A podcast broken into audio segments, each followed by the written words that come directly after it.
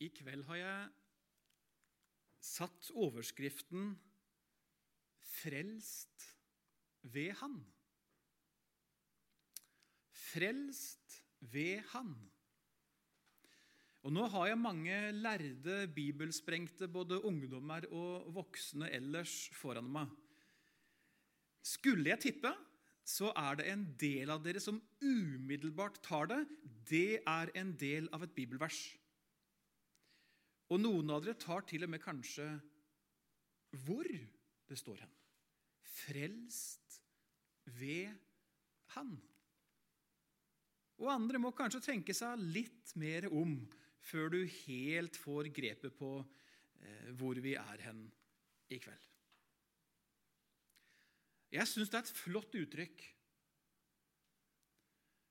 Og jeg syns det er en fantastisk sannhet å få lov til å leve livet sitt på og få lov til å hvile evigheten sin nettopp på dette frelst ved Han.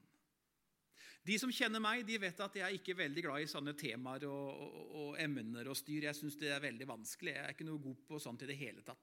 Så jeg prøver å skeine unna det jeg kan.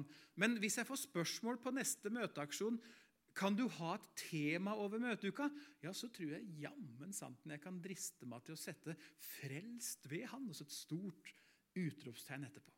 For da er vi liksom midt i sentrum av alt uansett, sant? Frelst ved Han. Ja, hvor står det hen? Det står rett etter Bibelens mest kjente vers.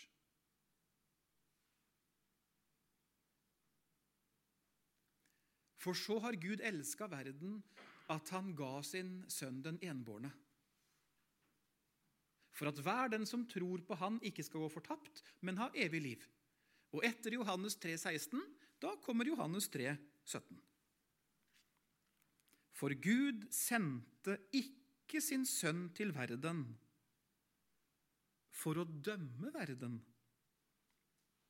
men for at verden skulle bli frelst ved Han. Der har du det i kveld. Frelst ved Han. I oktober 2007 da fikk Norge ny barne- og likestillingsminister. Hun heter Manuela Ramin Osmundsen. Kanskje noen av dere huser det. Hun skulle vise seg å få en veldig, veldig kort karriere som statsråd i den norske regjeringa. Kun fire måneder ble hun sittende. Min gode venn Magne Birkedal og jeg vi sto i en møteaksjon i Østfold. Og Så var det en dag vi hadde lyst til å lufte oss litt, og så tok vi bilen inn til Oslo sentrum. Parkerte under konserthuset der, og så skeina vi litt sånn vilt på Karl Johans gate. Stoppa, tok oss en kopp kaffe og drøsa litt sånn rundt forbi. Plutselig så, så vi at det var så fryktelig med folk som begynte å samles opp på Slottet. I all verden er det greiene her for noe? Birken, vi må ta en tur opp og sjekke, sa jeg til Magne. Og vi opp Karl Johans gate, opp trappene til Eli Hagen og helt fram til Slottet. Og så rakk ikke vi nesten mer enn å komme bak ryggen til Geir Helgesen han der med mikrofon i NRK, sant? Og før vi rekker noe som helst, der under buen, der kommer Jens Stoltenberg gående. Ut ifra kongen og rett i møte med holdt på å si, oss, Geir Helgesen, og de som sto rundt.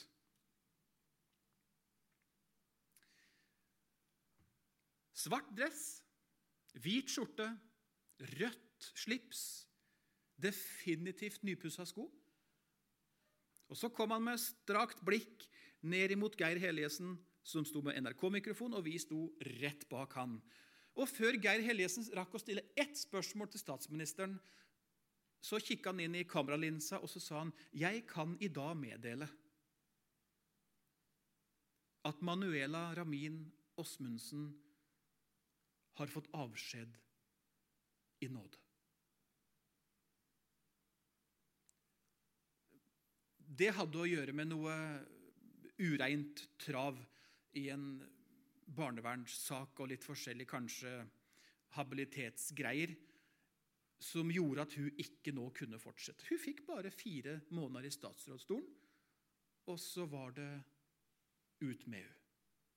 Og så sto jeg der på Slottsplassen, og så hørte jeg hva Jens Stoltenberg sa. Avskjed i nåde.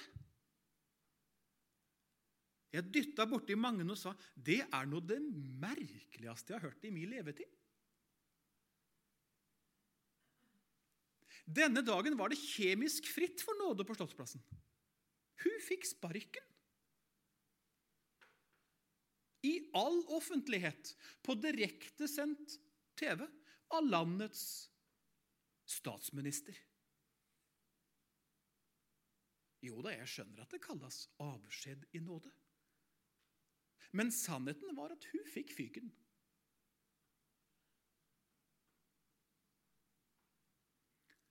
Hun hadde brutt reglene.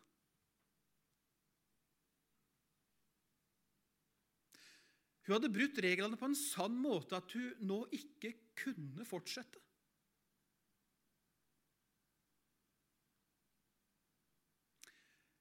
Vi er en fin flokk denne kvelden òg, på Fjellheim. Dyrebare evighetsvandrere som Jesus så gjerne vil vinne hjertet til, lede gjennom denne verden og føre oss helt fram og helt hjem og helt inn i de evige boliger. Jeg tror du som er her, også er kjent med regelbrudd. Krenka Gud i tanker, ord og gjerninger og kjenner lysten til det onde i mitt hjerte. Det er ikke bare en og annen type det som liksom har fått de store VG-overskrifter og vært i Dagsrevyen og, og, på en måte litt sånn uh, dumma seg ut og gjort noe som ikke var greit. Jeg kjenner på regelbrudd. Du kjenner på onde ting som ikke samsvarer med hva Gud den evige og hellige krever av renhet. Regelbrudd. Det er kjent både for deg og meg. Ja, hva da?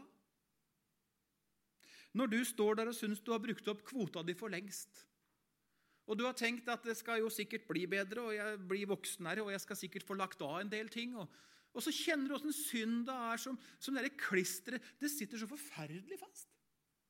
Og tankelivet får du aldri skikkelig dreisen på, liksom. Og så blei egentlig kristenlivet så annerledes enn det du hadde tenkt det skulle være. Ja, hva da?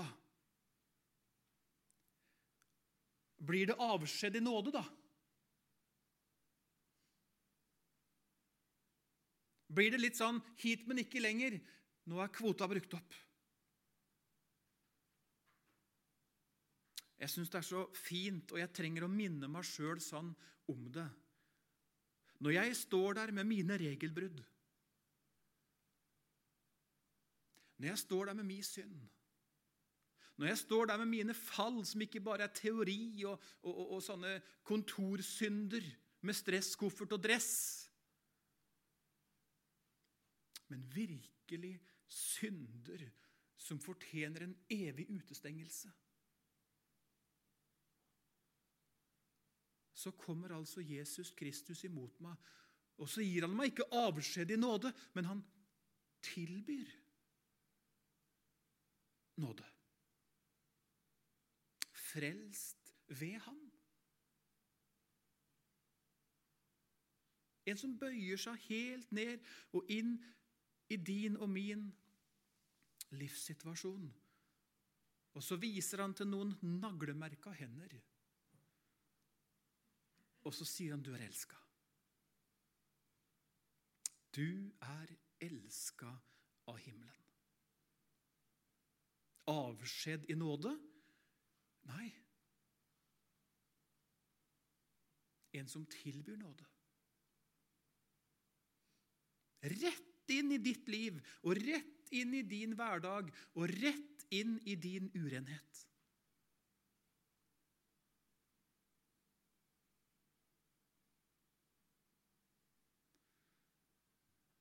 Henne var du for 2000 år siden?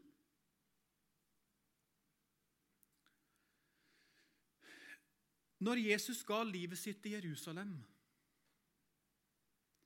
og når han tok oppgjøret innenfor Gud og alt det som var lagt på Jesus der i Jordanelva når han ble døpt Verdenshistoriens mest skitne mann, vann må vel det ha vært.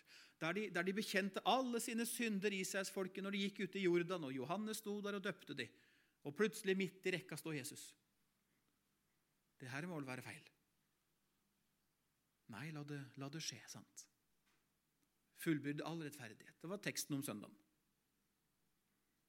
Og så ble Jesus gjort til synd for oss, for at vi i ham skulle stå rettferdige for Gud.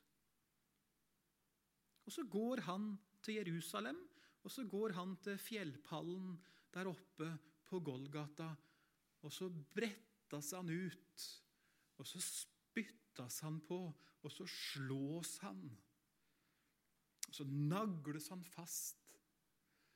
Og så gir han sitt liv for syndere. Jeg spør, hvor var du hen da?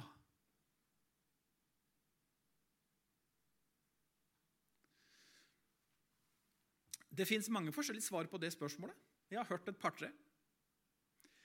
Når en bestemor og en bestefar skal være veldig hyggelig mot barnebarnet sitt, så sier de det at 'du var en blomst på jordet', du. Har du hørt noe så tull? Det må du slutte å si. Du må ikke finne på å tenke at ditt barnebarn har vært en blomst på jordet. Kommer aldri til å bli det heller. Ikke si det. Og så har jeg hørt noen som sier at eh, da var jeg i Guds tanke. Da var jeg i Guds tanke. Ja, da tror jeg kanskje vi nærmer oss noe. Sier ikke Bibelen noe om at vi er utvalgt i Kristus fra før verdens grunnvoll ble lagt? Jo, at du var i Guds tanke.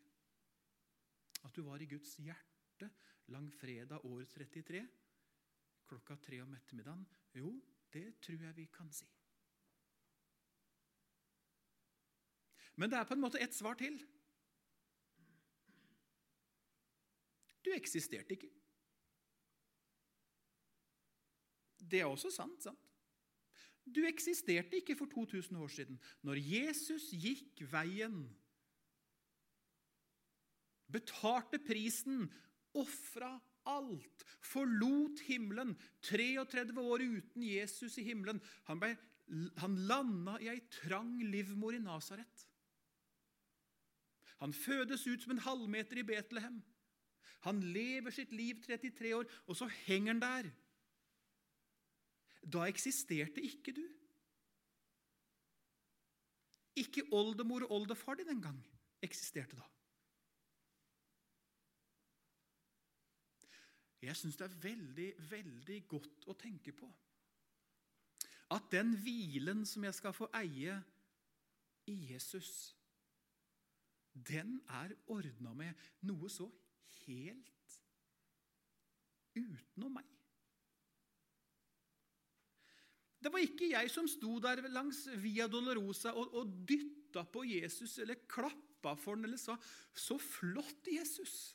Så fint at du gjør dette for meg. Jeg skjønner at du elsker meg. Stå på de siste meterne nå. Jeg eksisterte ikke. Jeg var ikke til. Og før jeg var til, så ordna Gud i Kristus med en evig frelse for meg. Jeg syns det er vidunderlig stort. Og så kommer jeg med bønnelivet mitt, og så kommer jeg med trua mi, og så kommer jeg med angeren min. Til og med kollektpengene kommer jeg med av og til. Merkelig type du har på besøk denne gangen. Så tenker jeg, her er det vel litt som er å lukte litt på. Og i det øyeblikket jeg begynner å, å blande inn det greiene der, ja, så blir jeg usikker, og så blir jeg utrygg, og så tenker jeg ja, det er vel ikke reint alt det? Og så er det liksom mest Jesus, og så og har jeg nå litt, jeg òg. Og så faller det i hopus for meg, syns jeg. Og så er det gang på gang tilbake. Du ordna alt for meg uten min deltakelse overhodet. Frelst ved Han. Han kom ikke for å dømme verden, men han kom for at verden skulle bli frelst ved han. For ett år siden så fikk jeg tre bøker til jul av kona mi. Jeg hadde ønska meg de. Hun hadde fått tak i de, og jeg har sittet i år og lest de. Jeg er ordblind, så jeg leser litt seint, men jeg har pløyd gjennom uh, mye av det nå. Ulf Magne Løvdahl heter han.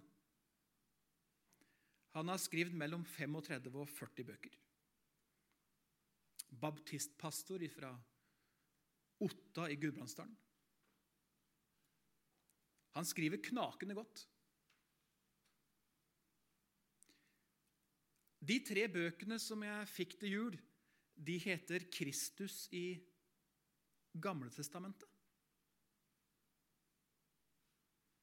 Og så kan vi spørre ja, fins han der?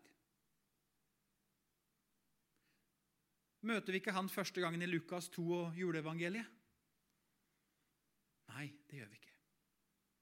Jesus Kristus er fra evighet av. Han er med igjennom tiden, han er med igjennom hele Skriften, og han er til evighet igjen. Han er den første, og han er den siste. Kristus i Gamletestamentet.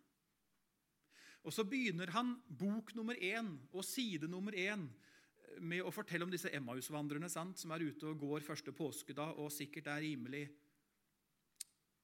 mørke og, og deppa, og som syns det er mye rart som har skjedd de siste dagene i hovedstaden. Og Så kommer Jesus og slår følge med dem, og, og, så begynner Jesus å, og, ifra Moses og så begynner å legge ut i Skriftene alt det som var talt om han, står det. Altså Moses, Jesus bruker Mosebøkene og utover i Jesaja og videre utover. Alt det som var skrevet om han. Jesus, Skriftens sentrum. Og det neste han gjør i boka Ulf Magne Løvdahl, det er å peke på det aller første løftet i Bibelen. Frelst ved Han. I hvert fall det han tenker er det første løftet om en frelser i Bibelen. Og da er vi jo der i første Mosebok, kapittel 3 og vers 15. Han skal knuse ditt hode, og du skal knuse hans hæl. Det kan se ut at det er uttalt nesten med en gang deretter syndefallet, når Gud taler til Satan mens Adam og Eva sitter der med kjøttet mellom tenna og dogfrisk appelsinjuice, så taler Gud til den onde, og så sier han det skal komme en som skal knuse ditt hode. Knuse din makt. Nå har du fått menneskeslekta på glid, men det skal komme en som skal vinne tilbake si brud, og som skal kjøpe menneskeheten tilbake igjen. En som skal tilby nåde.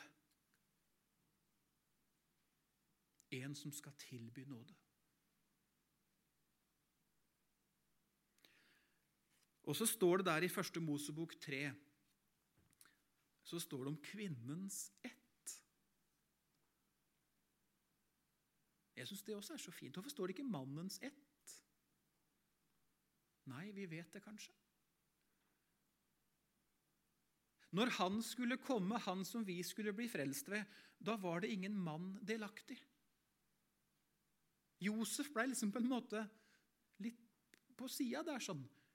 Det var Guds sønn. Det var Maria som skulle føde verdens frelser. Det var kvinnens ett, kvinnens etterkommer, som skulle knuse slangens hode. Se, en jomfru skal bli med barn, og hun skal føde en sønn. Og så skulle ikke mennesket for alltid være utestengt likevel. Der det gikk så galt i tidenes morgen, og der de valgte så feil ifra starten av, og der Adam og Eva tenkte så galt i møte med valget de fikk, og der de blei utestengt ifra Gud og hagen, ja, ja, så skulle det ikke være sånn for alltid. Det skulle komme en, kvinnens ett, som skulle knuse slangens hode. Frelst ved han. Hvis du lurer på hvor kveldens emissær har sin frelsesvisshet ifra, ja, så er det nettopp her. Det er helt sant. Jeg har min frelsesvisshet 100% i det jeg snakker om akkurat nå. Han, den ene, som har gjort alt til min frelse. Det er ikke tjenesten min, det er ikke barneoppdragelsen min, det er ikke kristenlivet mitt. Da rakner det hele greia. Men det å få lytte til Han som har laga en fullstendig rein og god plattform, som jeg skal få hvile mitt liv og min evighet på, der Der får jeg glede meg. Der får jeg glede meg. Frelst ved Han.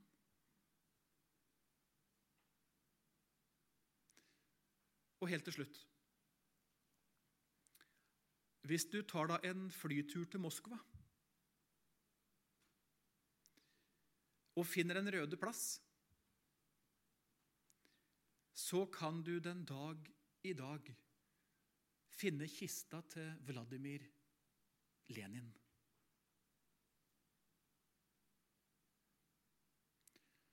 Kommunismens ubestridte far fram til han døde i 1924.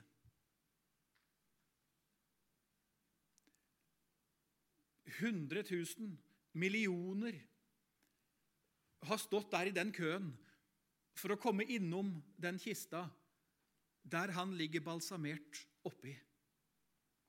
Og så bøyer de seg litt, og så nikker de litt idet de passerer Vladimir Lenin.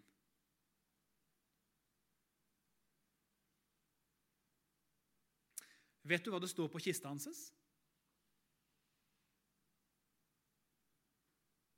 Gravert inn i gull. Det står tre setninger.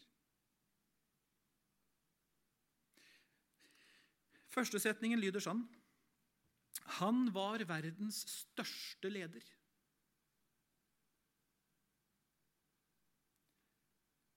Den neste lyder sånn Han var den nye menneskehetens herre. Og den tredje lyder sånn Han var verdens frelser. Vladimir Lenin.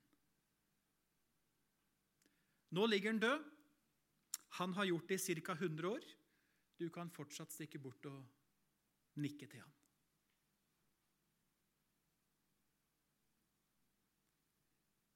Merker du da at alt som står om han, er i Er det perfektum det heter?